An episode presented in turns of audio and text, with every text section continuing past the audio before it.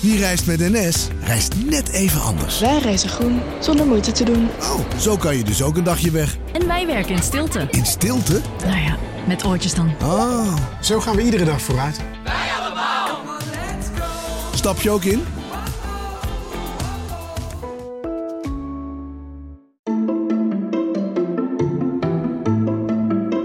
Welkom. Wij zijn Onbehaarde Apen. Dit is een podcast van NRC over wetenschap.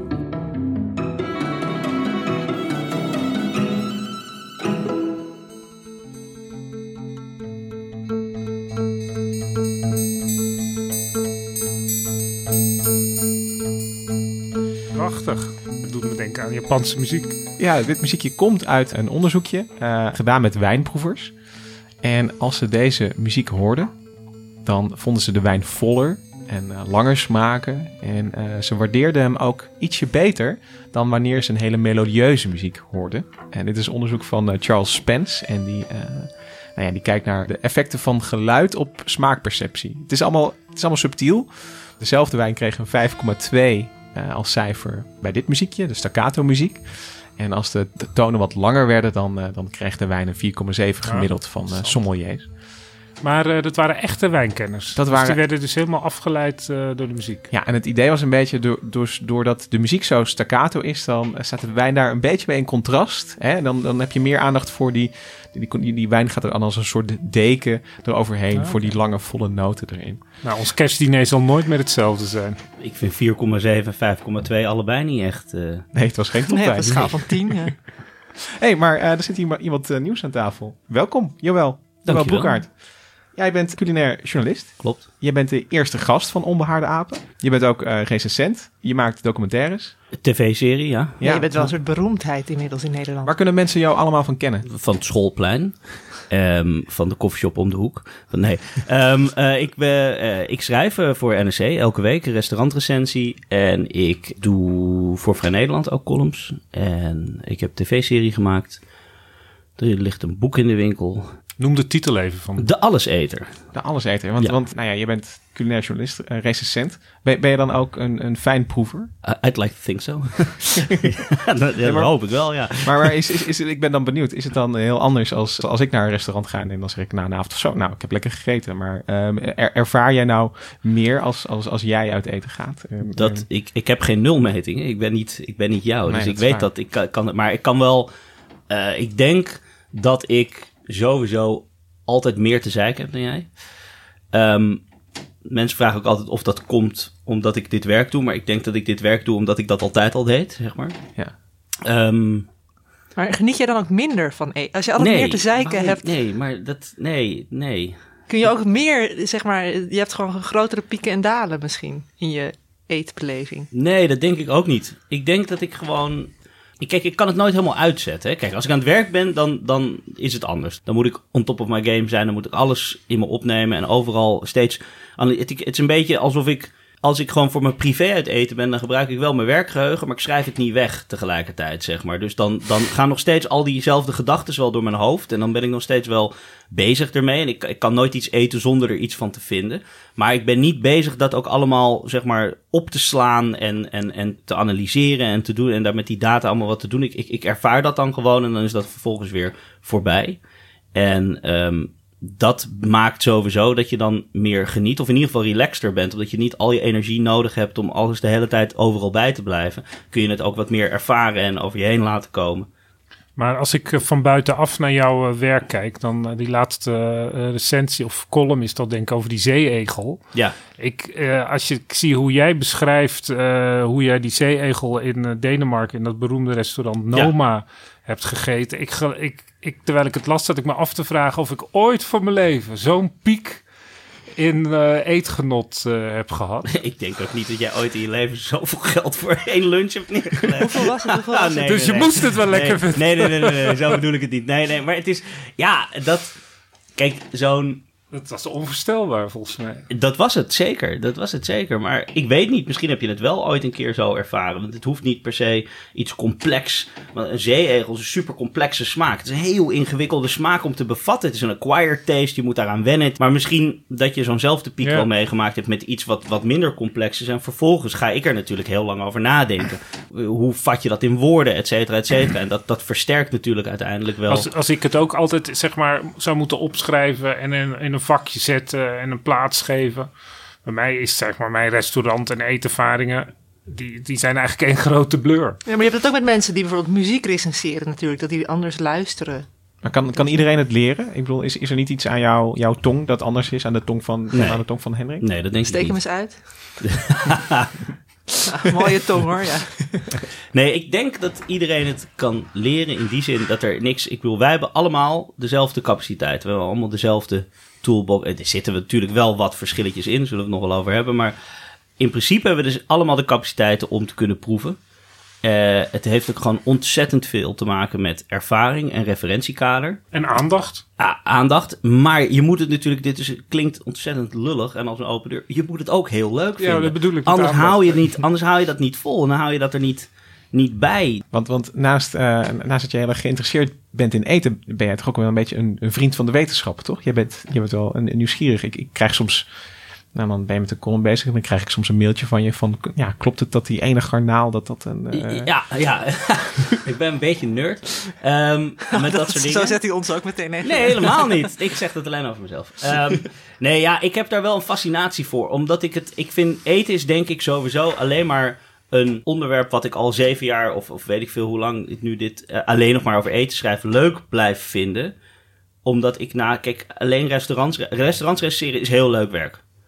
Soms ook niet, als het niet goed is. Maar het is in principe... Het zijn wel de leukste columns hoor. Ja, absoluut. nou ja, dat is heel leuk. Maar ik schrijf natuurlijk veel meer over eten. Daarnaast niet alleen over restaurants. En dat blijft alleen maar leuk, omdat eten is wel het onderwerp. Maar eigenlijk is het ook gewoon maar een kapstokje. Want het gaat altijd of over geschiedenis, of over wetenschap, of over cultuur. En dan denk ik dat ik dit tot in het eind der dagen kan volhouden. Als het niet alleen maar over aardbeitaart hoeft te gaan, maar over de hele geschiedenis daarachter, of de wetenschap, of iets dergelijks. En ik hou wel heel erg van, van. Ik heb geschiedenis gestudeerd, maar ik heb altijd getwijfeld of ik niet, tenminste voordat ik ging studeren, of ik niet biologie of geschiedenis zou doen. Het is allebei op een hele andere manier een, een wijze om te begrijpen hoe de wereld in elkaar zit, eigenlijk. Nu jij dat zegt, vraag ik me ineens af wanneer is de aardbei eigenlijk gedomesticeerd. Maar goed, dat eh, zoeken we nog op. Dat heb ik niet paraat. Had ik laatst een stukje... Nou goed, dat gaat voor te ver. Ja, maar ehm, ik herinner me dat ik laatst aan het kijken was naar eh, De Vijf Smaken van Joël. Hele leuke eh, documentaire. En ook jouw fascinatie, want je reist dan de hele wereld over. Je gaat met allemaal mensen in gesprek. En dat vind ik ook het leuke, dat jij inderdaad echt heel nieuwsgierig bent... naar hoe dingen in elkaar zitten, waarom ze smaken... Smaken zoals ze smaken. Smaken zoals ze smaken, ja. Nou ja, dat is natuurlijk ook een beetje de reden waarom we je hebben uitgenodigd om het te hebben over smaak eh, vandaag. Mm. En eh, we gaan vandaag op een soort verkenning van de tong. Kan ik toch wel zeggen? Op een soort tongexpeditie. we gaan, we gaan met veel pieken en dalen. Er staat hier ook voor ons uitgestald een hele boodschappentas eigenlijk vol met, eh, met lekkers. Ja, de ik. studio heeft er nog nooit zo mooi uitgezien. Ja, het, is, het is van alles. We gaan ook veel proeven dus. En om te beginnen gaan we het hebben over... Nou, je noemde het net al een beetje... dat er een, een verschil is tussen, tussen smaken en, en aroma's. Tussen proeven en ruiken. En, en dat dat in de beleving van mensen loopt dat vaak een beetje door elkaar, heb ik het idee. Maar kun jij daar iets over vertellen hoe dat twee verschillende dingen zijn? En, Ja. en hoe die samen tot een smaakbeleving komen misschien? Ja, het is eigenlijk heel simpel. Wat het verwarrend maakt, is dat wij in het Nederlands hetzelfde woord gebruiken voor flavor en taste. In het Engels heb je ehm, taste en aroma. En die twee samen maken flavor. Maar wij gebruiken daar het woord smaak voor. Voor allebei. En dat maakt het ingewikkeld. Want smaken, de basissmaken, dat zijn de vijf smaken die je in je mond proeft. Zoet, zuur, zout, bitter, umami. Meer dan dat is het niet alles wat nuance geeft aan het leven of aan, aan het eten, dat, dat gaat allemaal via je neus. Dat zijn aroma's, dat zijn vluchtige moleculen die in de, los, eh, in de lucht komen. En die, die vang je op met een olfactorisch orgaantje, als ik het goed zeg. Ik vind dat woord Het, heel lastig. klinkt, ja. Eh, dat, zit, dat zit boven in je neus en daar moeten die dingen terechtkomen en daar worden ze gedetecteerd en dat geeft dan het signaal van hey, dat is die smaak. Dus als jij een appel en een peer smaken anders vanwege natuurlijk het gevoel in je mond. Een peer is veel zachter. Je hebt onmiddellijk door of je in een peer bijt of in een appel. Maar als je dat uitschakelt, dan de enige reden dat die peer anders smaakt dan die appel is vanwege die aroma's die je ruikt. Dus het, Als je niet zou ruiken en je schakelt even dat mondgevoel uit, dan Een zou je het verschil niet... perensap, appelsap, dat maakt er niet uit. Ja. Nee. dus het, het- het wordt dan allebei een zoetzure brei eigenlijk. Gewoon, Ja. ja. van, van twee smaken. Ehm dit is eigenlijk, ik kan dat heel makkelijk aan jullie eh, laten zien of laten proeven, laten ervaren. Hij Ja. opent een doosje Skittles. Ja, dat zijn dus gewoon, dit zijn snoepjes. Eh, wat ik nu ga vragen van jullie is om je neus dicht te houden.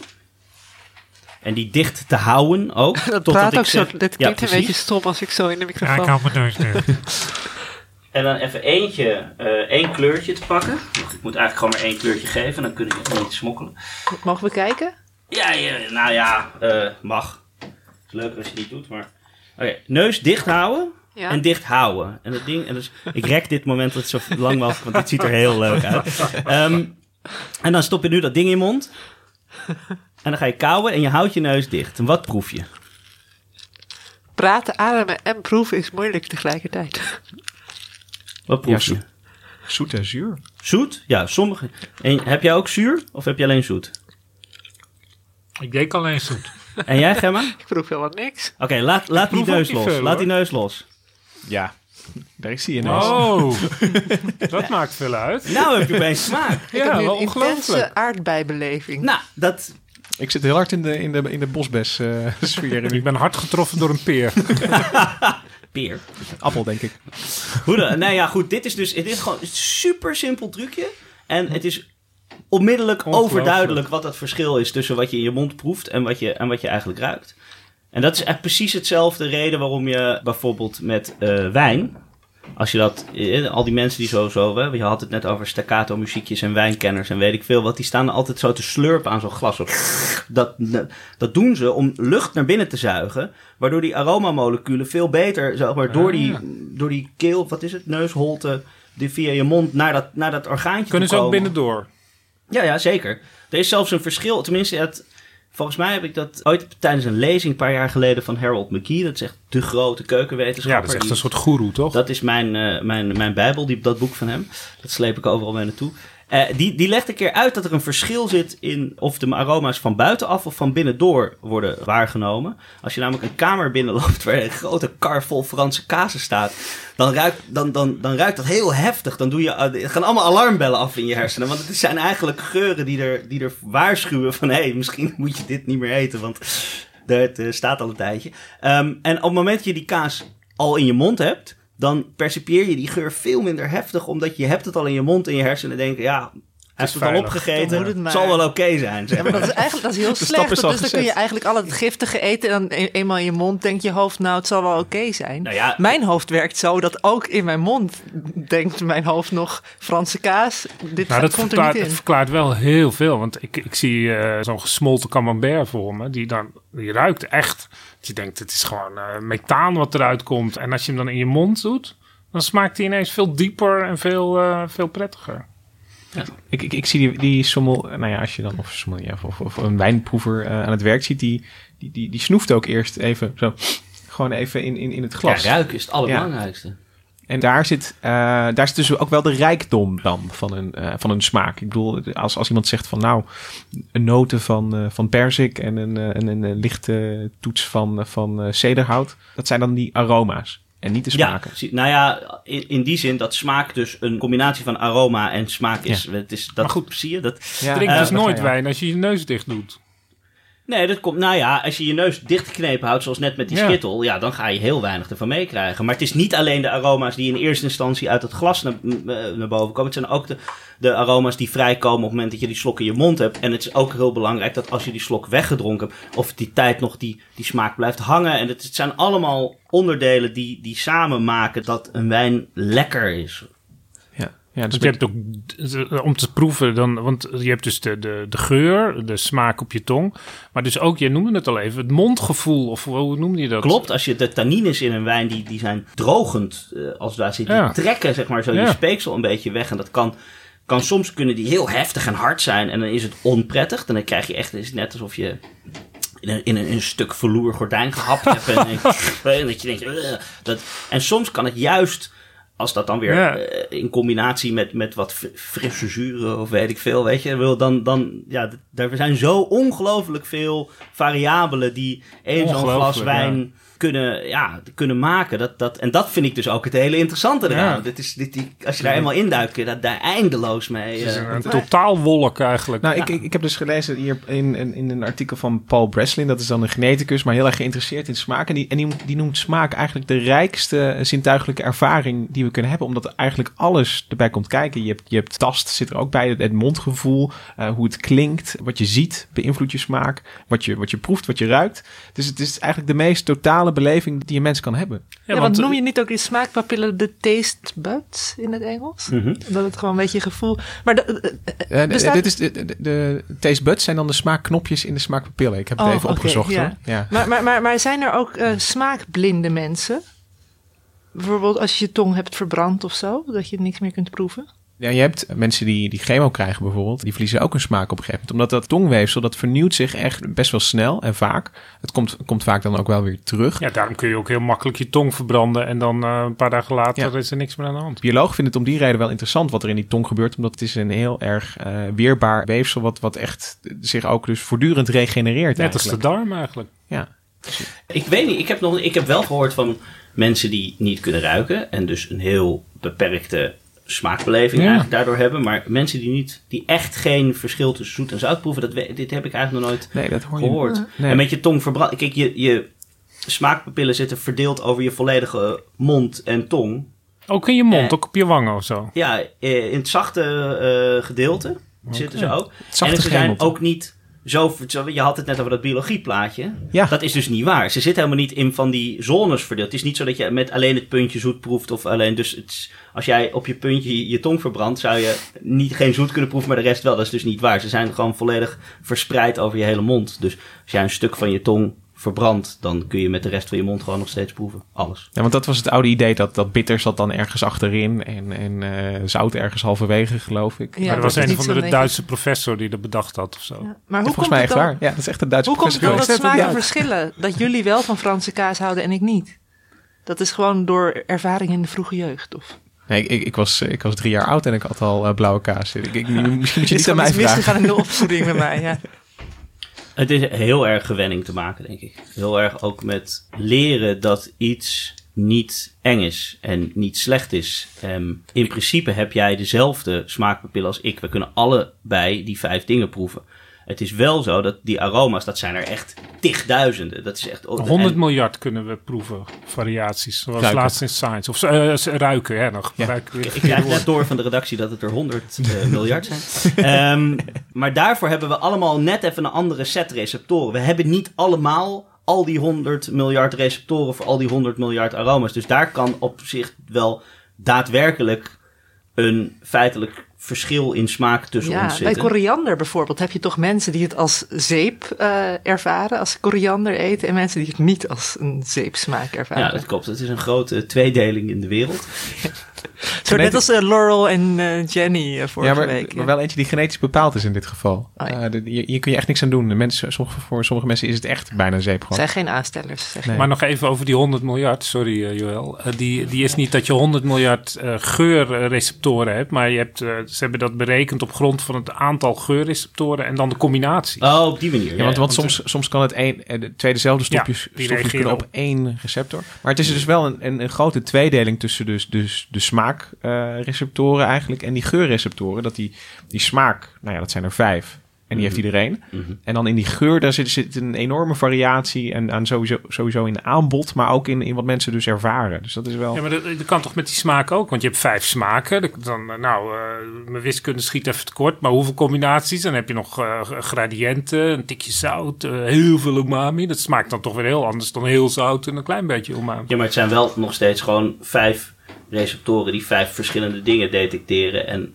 als, de, als er van het een heel veel in zit of heel weinig, dan krijg je dat heel veel of heel weinig door. Ja, maar dan combineer je het toch. De ene proeft dan misschien aan je kindertijd en het andere associeer je met weer wat anders. En dan... Ja, ik denk het niet. Ik denk dat dat vooral een kwestie van aroma's is. Ik denk dat als er ergens zuur en zout in zit, dan proeft dat zuur en zout. Ja, ja. Of eh, smaakt dat zuur en zout.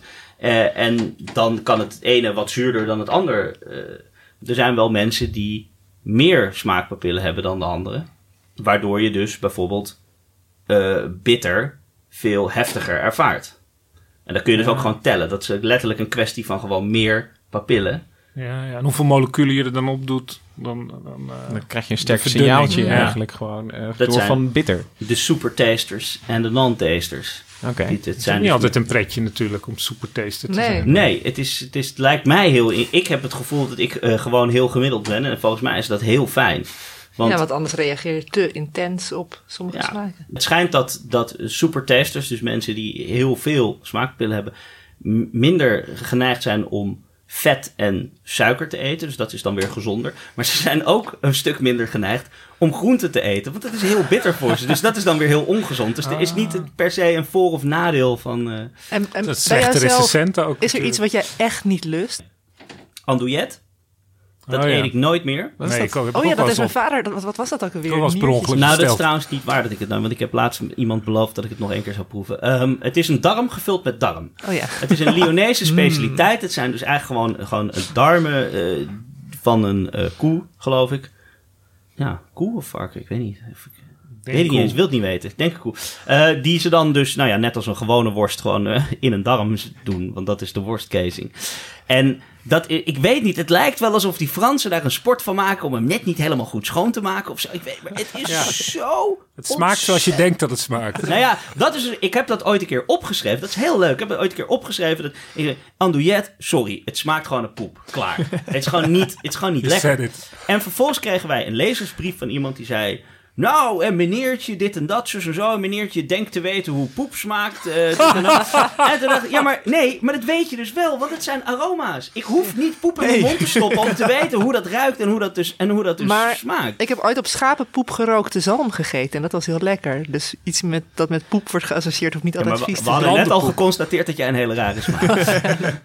nee, dat, ja, dat kan tuurlijk. Ik bedoel, op, eh, ja, kun je met turf of mest en roken en doen. Ik bedoel, Ja. dat, alleen dit is gewoon, het is, het is gewoon niet lekker. Maar goed, jongens. andouillet en je had, je, je Oh ja, had er eh, twee. ik kan het niet goed uitspreken. Volgens mij is het hakhal of zo. Of, dat is de ge- eh, gefermenteerde haai die ze op Oh IJsland ja. eten.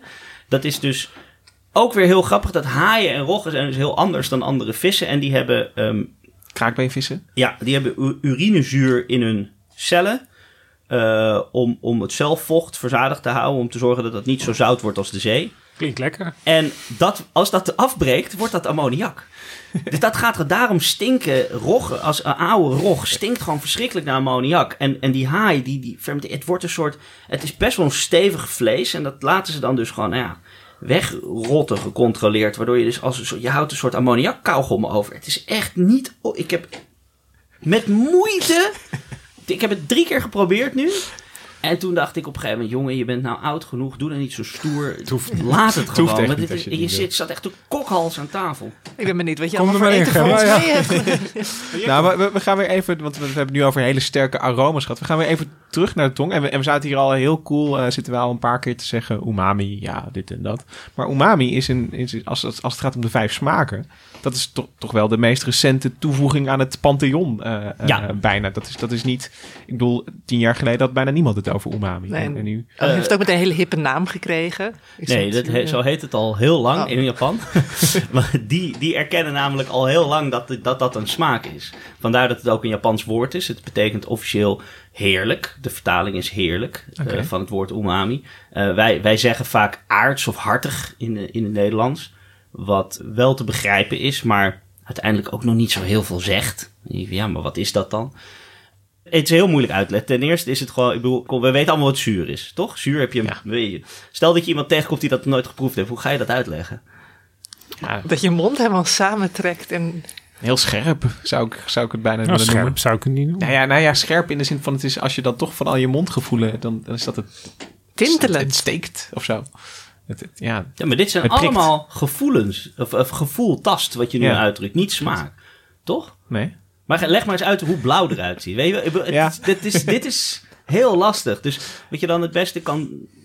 Ja, wil, je- wat, wil je het eerst hebben over wat het is? Of, Eh, of eerst even over die smaak? Laten we het eerst even over, over, die, over die smaak Ja, hebben. nou, ja, Wat, wat, je dan, wat, ik, eh, wat je kan doen is nadenken over heel veel producten die heel rijk zijn in umami. En kijken of je daar een soort gemene deler opeens kan ontwaren in die serie. Dus als je het hebt over sojasaus, over gedroogde ham, hele oude kaas. Even denken, wat nog meer? Ja, paddenstoelen, shiitake paddenstoelen bijvoorbeeld. Maar ook tomatenpuree, worcestersaus, vissaus. ehm, Het is dus niet alleen iets voor de Japanse keuken. Nee, nee, het zit overal. Ja. Ik, kijk, iedereen, maar iedereen proeft het. Hè? We hebben, dit is- iedereen op de wereld heeft umami-receptoren op zijn tong. Alleen wij zijn niet gewend om het te benoemen. En wij dachten, ha, lekker oude kaas. Maar niet dat daar een aparte naam voor is. Nee, dit, maar goed, kaas smaakt ook naar andere Nou, dingen. ja. Je hebt de, de vettigheid, de romigheid van kaas, de zoutheid van kaas. Maar dus ook die umami. Alleen wij proeven dat wel. Alleen wij zijn niet gewend om dat als iets aparts te benoemen. Het is, zeg maar, ken je het kruid lavas? Ja, Dat noemen ze Ja, maggi-kruid. maggi, ja, ja magiekruid. En dat, dat ze bijvoorbeeld die, die diepe groentesoep smaakt, dat Ja. is ook heel erg umami. Dus als je aan al die producten denkt, en denk aan tafel van, dan ga je op een gegeven moment wel, het is iets wat er een beetje onder ligt. Het is iets, iets vols, iets rijks, iets dieps, wat, wat heel bevredigend ook is. Maar goed, dit roept natuurlijk uiteindelijk ook nog steeds geen idee. Dus uiteindelijk is het beste om het te proberen te proeven. Oké, laten we dat doen. Maar het is Eh. dus een smaak, omdat die eh, op de tong met die smaakpapillen wordt geproefd zoals zout en zuur. Ja, Ja, nu daar- ga je al een stap verder. Nu ga je vragen wat het is. En en, nou ja, dat- daar kunnen we het ook over hebben. Nee, maar ik voordat we bedoel, het gaan proeven. Ja. omdat het, omdat het klinkt nu als iets heel vaags, maar in onze Ja. tong is het dus heel concreet. Dus Klopt. Het gaat gewoon een, eh, een zenuwbaan, eh, een koerier rent naar je hoofd, eh, jongens, umami. Je hebt er een receptor voor om eh, het stofje te proeven wat de smaak umami veroorzaakt. Je moet eerst even proberen te proeven. Ja? En daarna zeggen wat het is. is goed. Wat, wat, wat, eh, welk doosje moet Eh, ik ik moet de, openmaken? to- de zongedroogde tomaatjes hebben. Tomaten zijn bijvoorbeeld ook heel rijk in umami. En als we nou... Oh, we hebben vast geen schaar hier, hè? Ik heb een mesje bij me. mensen, ja. Want dit zijn wel hele grote stukken, maar... Ah, kijk. Een Zwitsers zakmes. Als je nou allemaal een stukje... Kijk, de, de, de, de zongedroogde tomaat. Tomaat is dus verschrikkelijk rijk in umami. En als je dat gaat indrogen, dan... Nou ja, dat is vrij logisch. Dan wordt de concentratie hoger, dus dan wordt het sterker. Als je dit nou in je mond neemt en niet slikken. Gewoon helemaal in je mond en gewoon gaan kauwen. Nou, dit, dit komt pas na een seconde of twintig. Oh. En dat geeft ons mooi de tijd om een klein gedachte-experimentje te 20 doen. seconden stilte. Nee, want wat je, kijk, je, je bent aan het kauwen. Stop hem maar helemaal in je mond. Het is eh, gewoon, en, en laat het maar goed rondgaan. Blijf kauwen, zodat je gewoon flink... Dit ding is ook zout. Proef je dat? Dat weet je. Ja. Dat, geef dat even een plek. Geef even zout. Dit ding is ook een beetje zuur. Niet heel erg, maar een beetje. Dat kun je ook, kun je ook duidelijk proeven. Ja, dat is die frisheid, zoals jij het noemt. Klopt ook wel weer. En zout. Hij is sowieso ook een beetje zout. En of had ik dat net gezegd? Dat had ik net gezegd. Zoet, dat is het. het zijn, hij is zoet, zout en zuur. Die dingen kun je allemaal los van elkaar... Probeer die even los van elkaar te proeven. Probeer dat even, even dan voor je neus neer te zetten. Even daar. Dan blijft er iets over. Ja. Er blijft iets over. Wat niet bitter is. Nee, bitter is hij niet. En dat is niet gewoon die geur waar je het net over had. Nee, nee, nee. Pro- pro- Probeer maar even... Wat Ja, het is een hele ronde smaak. precies. Daar, nu, jij, jij hebt hem. Jij hebt Ja, hem. dat, Het zit dat, een dat beetje- aardse, ja, ja. Heel rijk. Vol. Ja. Het is inderdaad, na 20 seconden komt Ja. hij echt eh, heftig Ik heb, binnen. ja. eh, ik heb vaak... ik Dat heb, zout is dan ook een beetje weg, heb ik Ja. het gevoel. Ja, dit blijft wat langer hangen.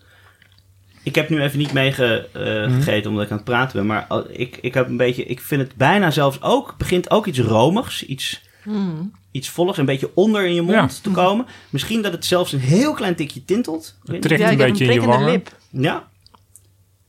Beetje groentesoepig ook. Ja, beetje ik die kant op. ik vind het heerlijk. De, de, de, de, de takjes, de groene takjes van de tomaat heb je er misschien een beetje erbij. Ik eet voortaan alleen nog maar gedroogde tomaten.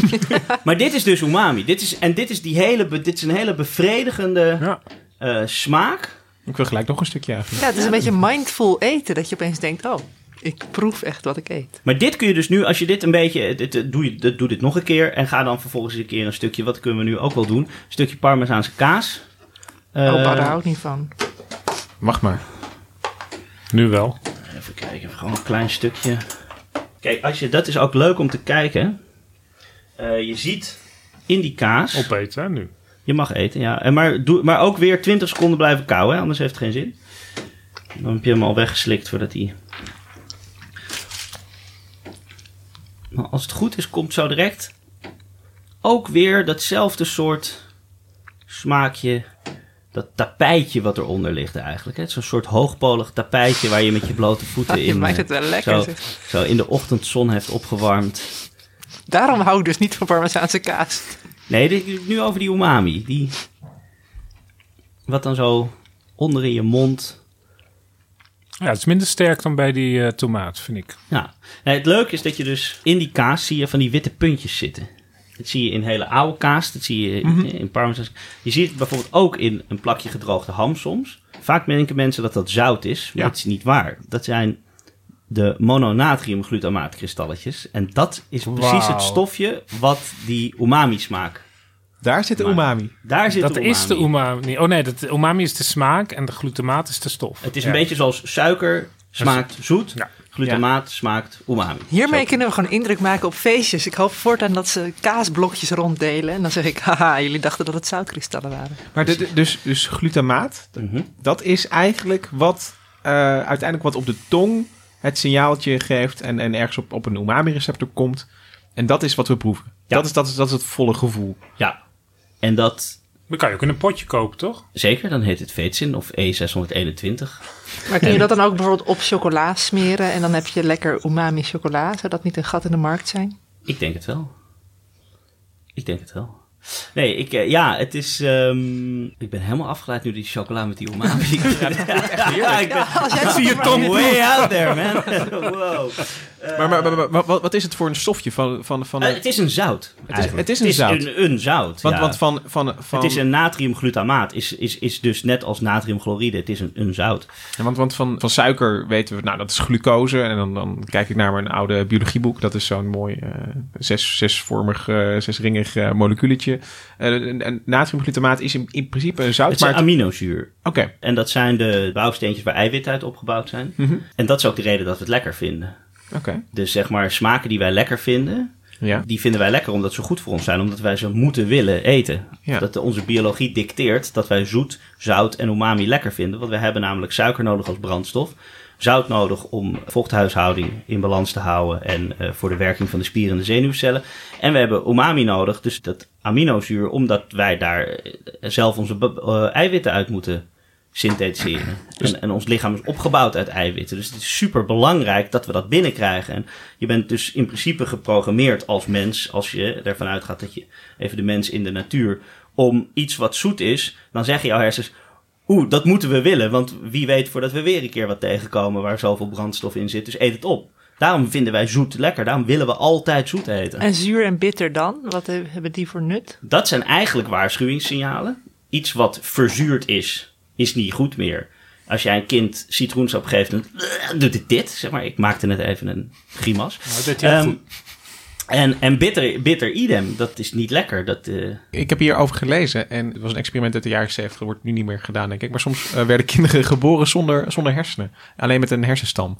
Oh ja. En die leven soms nog een paar dagen, maar, maar die, ja, die, die hebben ze ook te eten gegeven. En, en zoet leidt dus automatisch tot een slikreflex ook. Dat is een signaaltje dat alleen naar de hersenstam gaat. Zoet is echt al meteen van, kom maar door. Zo. En, en bitter wordt dus niet doorgeslikt. Dus dat is niet een, ik bedoel, de kinderen die, die beleven die smaak niet. Eh, want er is, er is geen processor, maar eh, de, de, hersenstam zegt eigenlijk al van, kom maar door. Dat is een heel oud systeem dus. Ja, Je hebt toch ook, ook moedermelk geproefd, Joël? Voor Ja, je, en, klopt. en dat was ook heel zoet. heel zoet, heel zoet. Er zit heel veel suiker in. Het smaakt ook een beetje ijzer. Alle vaders hebben dat wel eens eh, geproefd. moeders ook, denk ik. En, en umami zit er toch ook Ik ben nog vader, nog moeder. Nee, maar je bent eh, Toch heb ik het niet. de supertest. Maar, maar, maar wat ik van, van bitter... Bitter zijn eigenlijk, wat ik ervan weet... Dat, dat zijn altijd stoffen die planten maken als een soort verdedigingsmechanisme. dus, dus nou ja, koffie is, is bitter. Maar dat wordt gemaakt om zichzelf te beschermen tegen vraat. En, Ja, voor spruiten werkt dat ook prima. ja, ja, zeker. Maar het is dus ook omdat het dus ook licht giftige stoffen zijn eigenlijk. En het beste voorbeeld is, is misschien dat als je eh, zwangere vrouwen hebt die een, een foetus of een vruchten eh, in zich dragen, die, die zijn veel gevoeliger voor dat bitter, omdat voor die ontwikkelende vrucht is dat ook echt gevaarlijk, die toxines. Dus, Dus opeens eh, willen ze geen koffie meer. nou, dat is wel iets wat je Dat vaak zie je heel veel. Ja. Dus, ja, het is echt heel bekend. Maar augurken, kom maar in met dat zuur, met slagroom, wat is het? Nou Augurken. ja, maar als, als, als alles wat een beetje bitter is niet meer eh, lekker is. Hè, om, om, om, dat is eigenlijk je lichaam die zegt van ja, dit is misschien niet goed voor dat, dat, dat kindje dat je in je hebt. Dan, eh, dan blijft, blijft Gaat het alles zuur blijft over. Ja. Bijna, zou ik zeggen. Het is trouwens, vind ik wel interessant dat umami is dus een zout en een, Een aminozuur. aminozuur. Dus een soort van alle andere smaken. Dat laat zien hoe arm onze taal eigenlijk is. Dat we een smaak alleen in termen van andere smaken kunnen uitdrukken. Nou ja, het, het- het is meer zo dat volgens mij waren het ook Japanners die pas heel laat een woord voor blauw eh, hadden. Dus ze hadden misschien umami wel. Maar het is natuurlijk wel een kwestie van als je dingen gaat benoemen, ga je het ook meer ervaren. Dus Zullen we dat ook de wel- Japanse woorden voor zoet en zout en zo doen? Ik, ik weet niet wat dat zei. Nee. Umami is, is, is letterlijk heerlijk, zei je net. Maar eh, ik, weet, ik weet niet wat, wat, wat, wat zoet en nou, dat en ga ik eens uitzoeken. Ja. En wat ik ook nog wel interessant vind, is, is dat voor ons, eh jawel, zeg je al van, is het heel belangrijk om al die verschillende smaken te proeven. Eh, maar dat is, dat is niet voor alle dieren zo. Dus als je een panda bent die echt eindeloos bamboe naar binnen schuift. Pandaberen zijn de enige beren die geen umami meer proeven. Want ze, ze hoeven nooit meer een, een, ja, een vis of een, of, of een lekker stukje vlees te proeven. Maar eh, alleen maar bamboe. Dus, dus eh, die umami smaak zijn ze verloren. Nou, ik, vind, ik, ik vind het wel gaaf. is puur overlevingstool eigenlijk Ja. gewoon. Het is dat, een walvis proeft volgens mij ook helemaal niks. Die hoeft dat niet. Die, die moet op andere zintuigen. Ja, die eh, doet gewoon zijn bek open en Precies, het ja. Op het moment dat die, die vis erin is, dan, dan die heeft hij al lang doorgezien. In zijn geheel ook. Die, Heeft die een walvis er- geen smaakpapillen dan ook? Nee, nee, vol- volgens mij nauwelijks. Uh, zeezoogdieren überhaupt, die proeven heel weinig. Want En dan, heb Als je ze zoute zout proeven zijn ze verloren. dan ga je niet meer terug. Alles smaakt zout in zee. Nou ja, en, en kijk maar, ik bedoel, als mens ben je alleseter. Dus Ja. het is super belangrijk. Je moet de hele dag door moet je die keuze maken. Ga ik dit wel of niet in mijn mond stoppen? En dat doe je dus op, op, op basis van nou ja, hoe het eruit ziet en hoe het ruikt. En uiteindelijk is, is je smaak de belangrijkste raadgever daarin. Maar als je dus een goed geprogrammeerd roofdier bent, die gewoon op alles eh, afduikt wat, wat wegrent en haren heeft, zeg maar. Dan hoef je eigenlijk niet te kiezen, want als het wegrent, dan leeft het nog. En als het haren heeft, kan je het opeten. Ja. Dus dan, waarom zou je het nog proeven? Maar Nou, het leuke aan kakkerlakken bijvoorbeeld is dat kakkerlakken houden over het algemeen wel van zoet, maar eh, sommige kakkerlakken niet. En die hebben weer een voordeel met al die kakkerlakken lokdoosjes die allemaal. Die blijft dan over. Super tasters. Ja, die precies, kakkerlakken. Nou, nee, zegt dan die kakkerlak. Niet voor mij. Nee, maar goed. Maar, maar, kijk, maar, maar katten proeven geen zoet. Ook, ook weer zoiets. Dat is een roofdier. Ja, wat, wat heeft het eraan? En ik vraag me af of een kat zuur proeft. Dat weet ik eigenlijk niet zo heel Weet ik ook goed. niet. Maar, want de grap is namelijk, jouw huiskat kan zelf vitamine C maken. Die hoeft dus geen sinaasappels te eten. Die kan gewoon vlees eten en die kan zelf wat hij nodig heeft. Alleen wij zijn dat verloren, die, die capaciteit. Dus wij, dat is Daarom grappig. is zoet omdat- zo belangrijk. Nou, maar zuur En is zuur dus ook. ook... Vitamine C In principe is... ascorbinezuur. Verdomd. Zuur is in principe een afweermechanisme. Maar een van de redenen waarom we het toch ook lekker zijn gaan vinden. En ze gaan leren waarderen en leren toch ook te willen. Is mogelijk het feit dat wij aangeleerd hebben dat we dat nodig hebben. Omdat we toch door zuur fruit te eten. toch aan die vitamine C behoefte kunnen voldoen. Andere reden is trouwens dat het ook mogelijk is. eh, Dit zijn allemaal theorieën. Hè? Dat, dat hoewel verzuurde dingen niet goed meer zijn, is iets wat in het zuur ligt, kan ook niet bederven. Dus het is mogelijk Ja. ook dat we aangeleerd hebben om dat zeg maar, te zien als ik zie iemand een beetje eh schudden. Nee. Ja, nee, nee. Nou ja, dat het toch ook ja. veiligheid zeg maar, is gaan betekenen. Ja. Omdat- Voor augurken wel Nou ja. En, en- voor, voor fruit ook, want, want, want context doet er heel erg veel toe. En ik heb dat zelf een keertje op een brakke ochtend. Toen giste ik een pak eh, uit de koelkast. En ik dacht eh, dat het melk was. En ik heb het echt, ik heb het gewoon inge- in- ingeschonken. en het was, het was sinaasappelsap. Maar, maar als je denkt dat je melk drinkt en, en er komt dat, dat ontzettend zure komt er naar Oeh. voren. Dat, dat- ik spuugde het gelijk uit en ik zag het is oranje. En het, het duurde even en oh ja, weet je wel. Nee, maar dat, ik wel ik heb- heel zo werkt het dus weer. Want op het moment dat jij dus niet Klaar van tevoren al weet... Dit is, dit, ik ga iets zuurs ervaren en het is oké, want dit hoort Ja. zuur te zijn. Dan werkt het dus gewoon weer precies zoals met die baby met citroensap. Dan Ja, is het dat is- onmiddellijk, hey zuur, niet goed, niet goed, niet goed, weg, weg, weg. Ja. Ja. Ik heb de omgekeerde ervaring. Dat ik een, eh, nee, nee, nee, nee, maar op een andere manier dat ik juist iets ben eh, leren drinken. Dat, eh, er is bijna niemand die van eh koude koude koffie eh, houdt. Of gewoon afgekoelde koffie. Dus eh, van, die, van die ijskoffie is weer wat anders. Maar ik had een keer dat ik een afgekoelde kop koffie had. En dat ik enorme dorst had. En dat ik op de een of andere manier me helemaal leeg had gemaakt. En dat ik dat dronk. Niet van, oh, dat is afgekoelde koffie, dat is vies. Maar ik was helemaal blanco. Gewoon, dit Ik weet is niet meer waarom. vocht. Ja. En het is hartstikke lekker. En als je dus niet die voorbereiding hebt dat je met koffie die warmte en zo verwacht, dan, ja, dan, dan proef je het ineens een stuk beter. En ik heb een koffietrauma, omdat ik juist dacht dat ik warme chocolademelk kreeg en toen zwarte koffie kreeg. Dat was ook niet lekker. Ondertussen druk ik een paar pilletjes eh, uit. ja, ik, ik wist niet dat je je medicijnen moest nemen. heb je weer een kater. Deze zijn voor jullie allemaal. Oh. En, Oh. eh, Je ga vertellen wat het doet? Of, eh, Ja? ja, ik ga zeker vertellen wat het doet, want we gaan het even hebben over eh, hier. Wat je moet, wat je moet doen is, eh, je moet hem eh, eh, gewoon op je tong leggen en gewoon een beetje rond eh, laten gaan. En eh, dit pilletje moet je even laten oplossen op je tong. Een niet, niet, niet op is. niet, niet heel hard op zuigen, maar gewoon je hele tong er een beetje mee, mee bedekken. Een soort langwerpig, leverworstkleurig pilletje.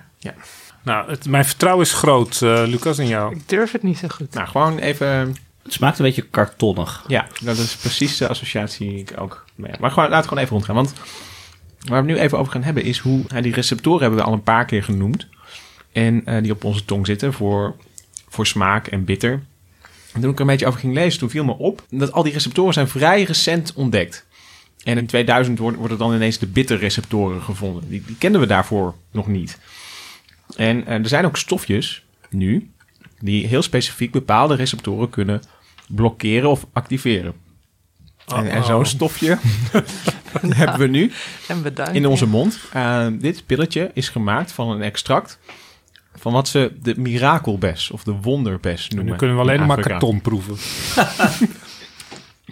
Laten we nog maar even rondgaan. Het, het duurt vrij lang, merk ik, voordat het is eh, opgelost. Maar Ik vind het een beetje zuur nu. En er komt maar, een zure smaak in. maar doet het Ja. een beetje denken aan... ehm, sommige mensen die hebben na het eten van Best pijnboompitten toch ook iets geks. Dat ze niets meer Mhm. kunnen proeven. ja, dus Dat het is ook kan- nog een bepaald gen die je dan hebt. En dan eh, vind je het niet nou, lekker. of voor bepaalde pijnboompitten juist. Volgens mij pijnboompitten uit China. Die, eh, Ja, maar niet iedereen heeft dat. Dus het is een combinatie met een bepaald Nee, er soort zijn pandaberen die zijn daar. eh die kunnen pijnboompitten uit China niet proeven. Maar wat, wat gaat, gaat er zo meteen met ons gebeuren? Of?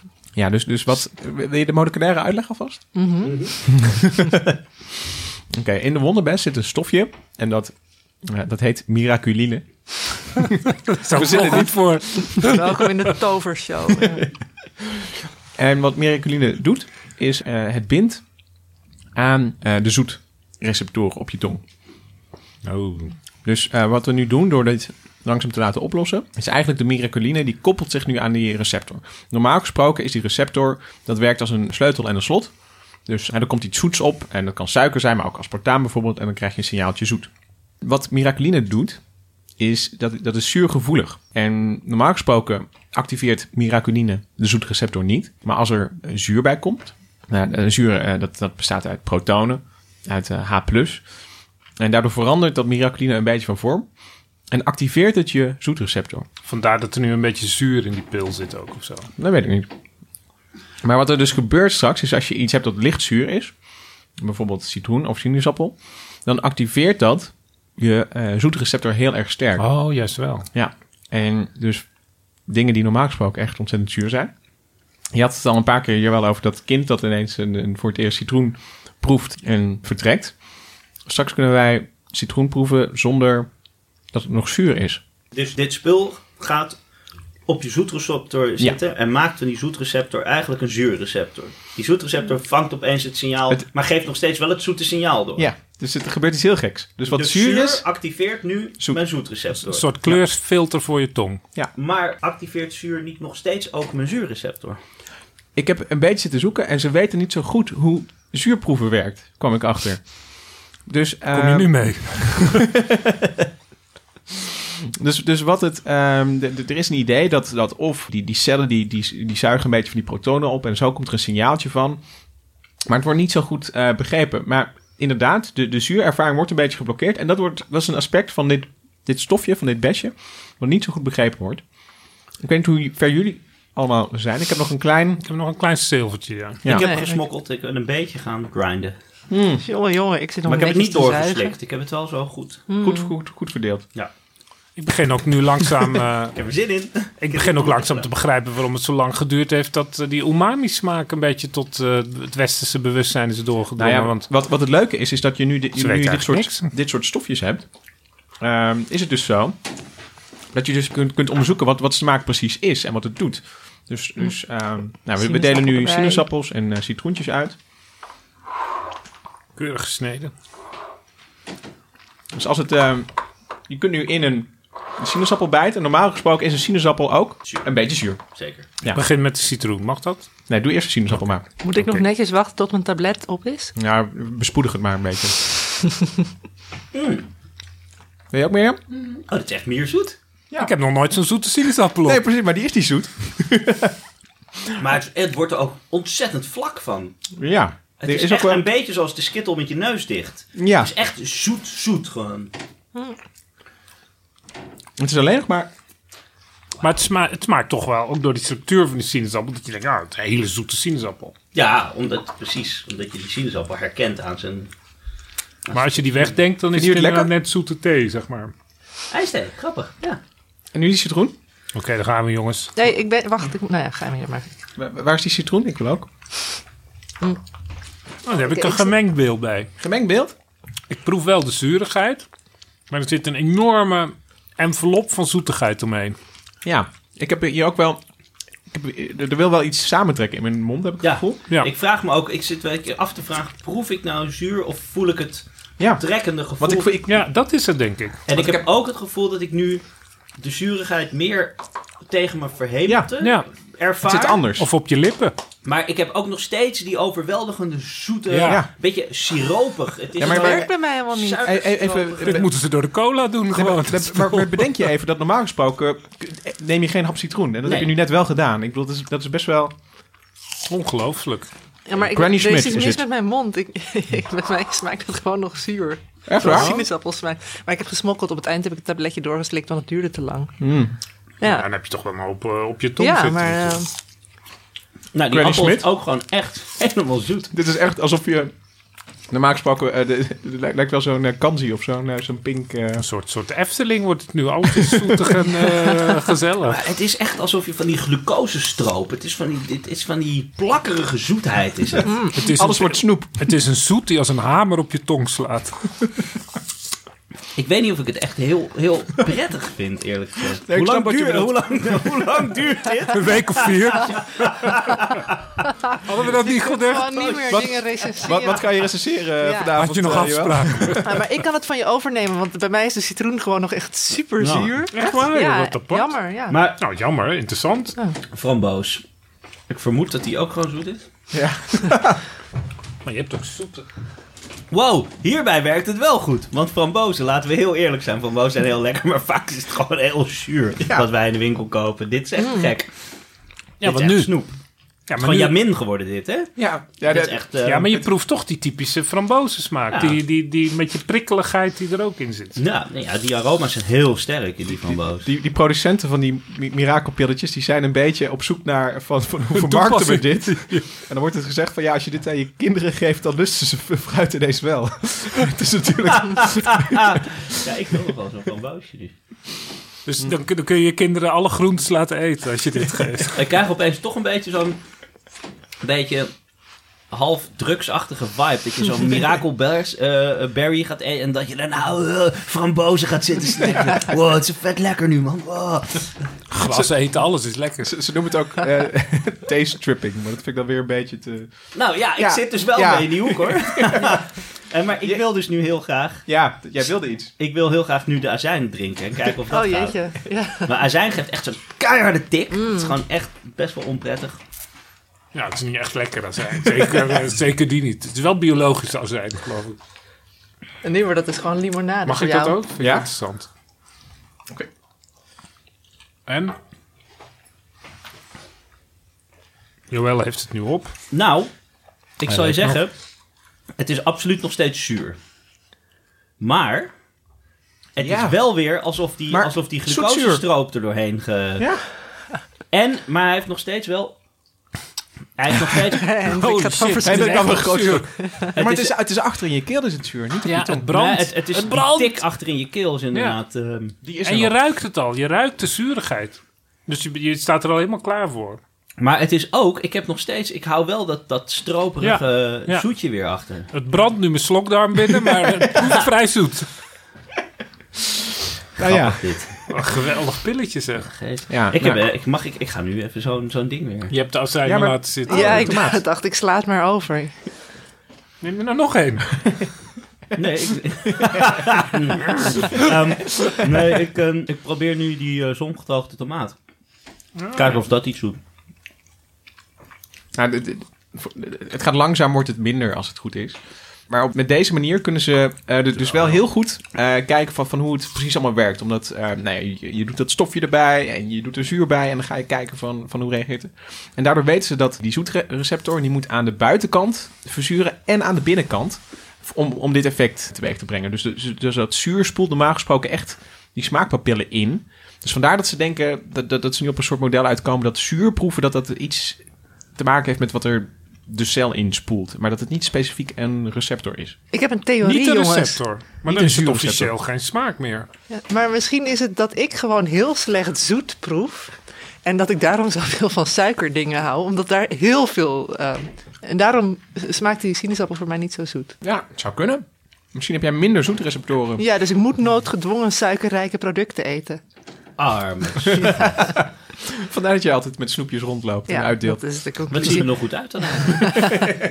Maar Lucas en ik hebben laatst ook een keer een fireball gegeten, weet je nog? Zo'n Ja. heel scherp snoepje dat het echt heel heet Kaneel, is. pittig. Ja. Ja, en, maar hoe werkt dat, dat hete dan op je tong? Ja, pittig is geen smaak, pittig is een pijnprikkel.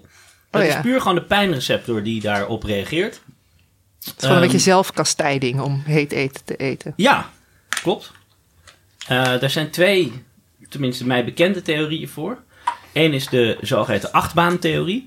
Dat is dat als je iets gaat doen waar je lichaam allemaal signalen van krijgt... dit is gevaarlijk, hier moet je onmiddellijk mee stoppen. Maar je rationeel weet dat het niet gevaarlijk is, namelijk in een achtbaan gaan zitten... dan word je dus heel erg hard heen en weer geslingerd en dan je valt en dat soort dingen... die normaal heel eng zijn, maar je weet, dit is de bedoeling... En dan wordt het opeens leuk, dan wordt het opeens zo, zo kriebelig. En, en dat, is dus, dat zou met pittig eten ook, dat het, het doet pijn, maar je weet dat het de bedoeling is dat het lekker is, dus je gaat daarvan genieten. Zoals je Andere- vader je vroeger in de lucht gooide en weer opving. Ja, de jouwe ving je wel op.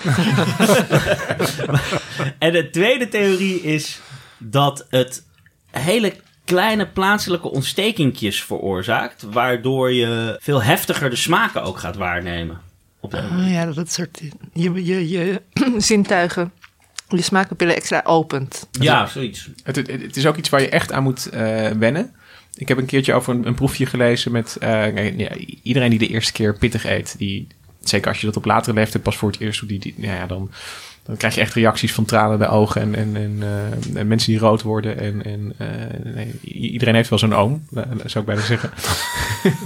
maar als je, het- als je- het dus langzaam opvoert, dan kun je dus nou ja, jezelf trainen om daarmee om te gaan met die pijn.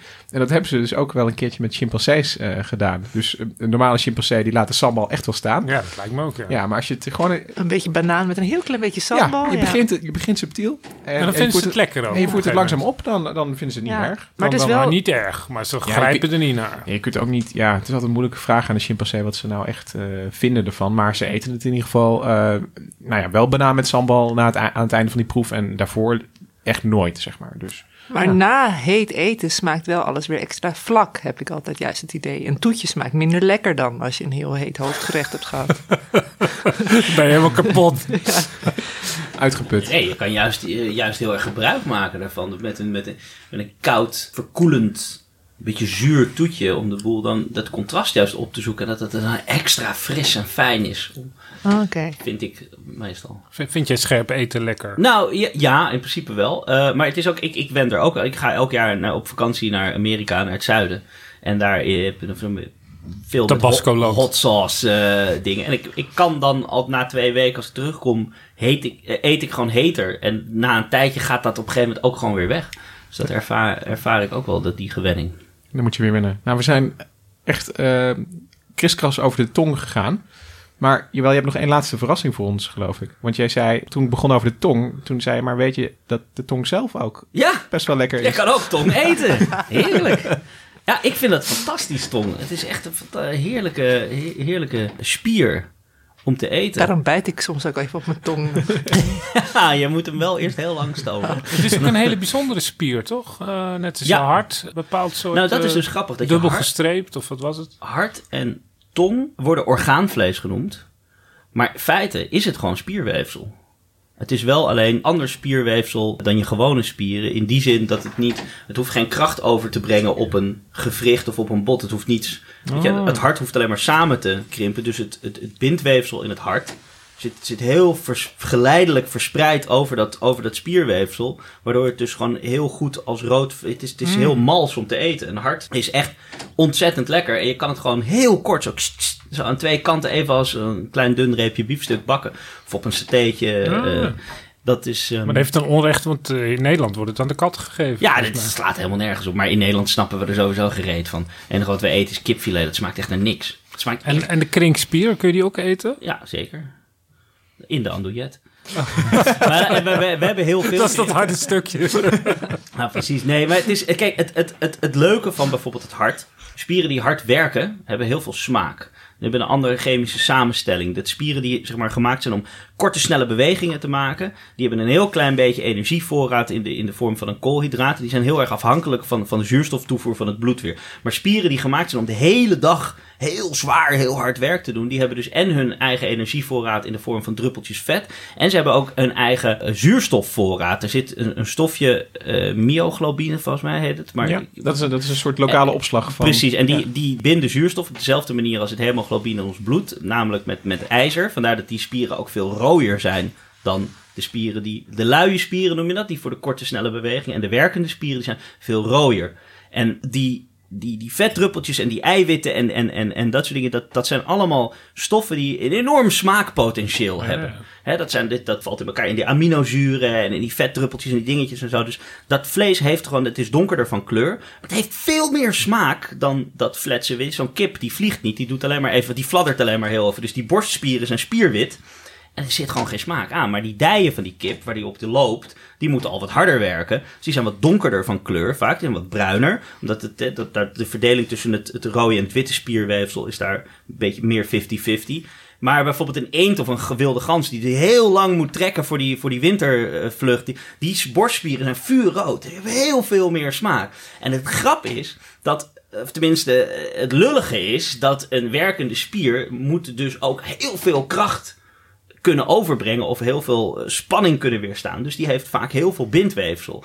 En die kun je dus niet zomaar eten. Die zijn taai. Ah, Dus ik voel alles aan de stoofvlees aankomen. Precies, alles aan de voorkant van de koe die die kop omhoog moet houden, die aan het grazen is, dat, dat, dat is een loodzwaar ding. Dus dat is allemaal chukanelappen, stooflappen, riplappen, weet ik veel. Dan moet je allemaal, moet je dat heel lang stoven, zodat dat collageen wegsmelt en gelatine wordt. Dat wordt dan wel dus weer heel lekker filmend, plakkerig. God, dan ik krijg uiteindelijk. zin om eh, stoofvlees Ja, te gaan precies. maken. Maar het leuke van, het hart, van, van bijvoorbeeld het, het hart, maar bijvoorbeeld ook de longhaas. De longhaas is de spier die de, zorgt dat de longen heen en weer gaan, dat ze zich vullen met lucht. Die moet dus ook dag en nacht doorwerken. Alleen longen wegen niks, want het is gevuld met lucht. Dus relatief voor een spier die zo hard moet werken, die heel weinig bindweefsel, kun je hem bakken als biefstuk. Hij is, hij is mals. Hij is nooit zo mals als een ossehaas, maar hij is mals genoeg om zo te eten. Maar hij smaakt wel net zo rijk als bijvoorbeeld een, een stooflap zou Oh, zijn. En het hart is dus weer anders. Dat is een spier die ook heel hard werkt en dus ook heel veel smaak heeft. Maar omdat het collageen dus zo mooi evenredig verdeeld is over die, over die spier, is hij dus ook heel mals om te eten. Er zit geen bindweefselplaat of dat in, want hij hoeft alleen maar zelf samen te trekken. En de tong is dus eh, ook een hele hardwerkende spier. Er zit ook heel veel smaak in. Maar de tong die moet je dus wel heel lang stoven. Ik ben er nog niet helemaal achter hoe dat nou precies zit. Want het is natuurlijk een, nog meer een absurd. Dus die moet namelijk, die zit ook niet echt vast aan iets. Die hoeft ook niet krachtig. Maar die moet wel in allerlei vormen kunnen, Ja. kunnen bewegen. En hij is ook super sterk. En je Ja. kan ook in je mond dingen kapot duwen met je tong. Of Ja, en een koe die trekt het gras er zo Precies, mee dus los, dat, toch? is, dat, moet, dat moet verschrikkelijk sterk zijn. Dus ik denk dat daar weer, dat, dat weer anders opgebouwd is. En dat daar dus wel heel veel eh bindweefsel zit wat je weg moet laten smelten. Maar als je die dan dus heel lang hebt gestoofd. En het ding is helemaal of gepocheerd eigenlijk. Je moet hem eigenlijk niet eens aan de kook, maar net daaronder. Heel mooi langzaam garen. Dan kun je zo dat, dat, dat ruwe vel eraf pellen. Wat wij, als je je eigen tong voelt. Al die smaakpapillen van de Ja, kop. nee, maar serieus. Je leert wel je eigen lichaam kennen als, als daar zit, daar zit dus een- journalist. Daar zit dus, nou ja, maar dit is waar we helemaal aan het begin over hadden. Dat eten voor mij natuurlijk uiteindelijk alleen maar een haakje is om dit soort dingen. Het is gewoon of biologie of, Ja. of, of geschiedenis of weet ik veel wat. Dat je leert ook over jezelf van alles. Maar Er zit, zit zo'n, zo'n, zo'n, zo'n, zo'n, ja, het is eigenlijk best wel een dik plasticachtig of zo laagje wat je er gewoon zo af kan pellen. Maar zijn het dan eigenlijk de smaakpapillen van, van, van een dier dat je er dan eigenlijk Dat, afhaalt? ja, die zitten daar wel Ja. op. Dat is dat, Ja. die bovenste laag van de huid. En dan hou je dus echt die spier over. En het is een stevig ding. Als je hem zo voelt of een beetje indrukt, is hij stevig. Maar als je er plakjes van snijdt, je, je, je bijt er zo doorheen. Het is super mals. En er zit zoveel smaak. Het is zo ontzettend lekker. Moeten we dat En nu ook zit gaan het dan meer proeven? naar de stoofvleeskant of eh, de biefstukkant? Ja, Eh, het niet, geen van beide. Het is, een heel bijzonder, het is ook weer een heel bijzonder, uniek soort spier eigenlijk. Het is, het is, het is qua structuur totaal niet, niet vergelijkbaar met stoofvlees, maar natuurlijk wel qua smaakintensiteit veel meer. Maar, Eh, maar ik bedoel, je probeert het nu te vertellen. Maar we kunnen het toch ook gewoon proeven? Er staat hier een, een zakje al een beetje te geuren al de hele tijd voor me. Ja, kom maar door. Ja, heerlijk, heerlijk. Kom maar Oh nee, mag ik dan eerst zo'n pilletje nog om mezelf moed in te... Ik weet of we hebben, we hebben we misschien een bord nodig hiervoor? Want anders dan... eh, Ik zal even een ander mes Je hebt pakken. er echt veel zakmessen bij je, Hendrik. Hoeveel heb je er van? Oh, kijk eens even. Hij is nog niet eens... Wacht even. Ik zal even mijn mouw opstropen. Hij is nog niet eens gegaard. Ja. Jawel, hij is wel gegaard. Oh, ik wil niet, ik wil niet. Eh, het, is een, het is een groot Een ding. enorm eh. ding, man. Zo, Maar ja, dit is een kant. lijkt, lijkt wel een schoen.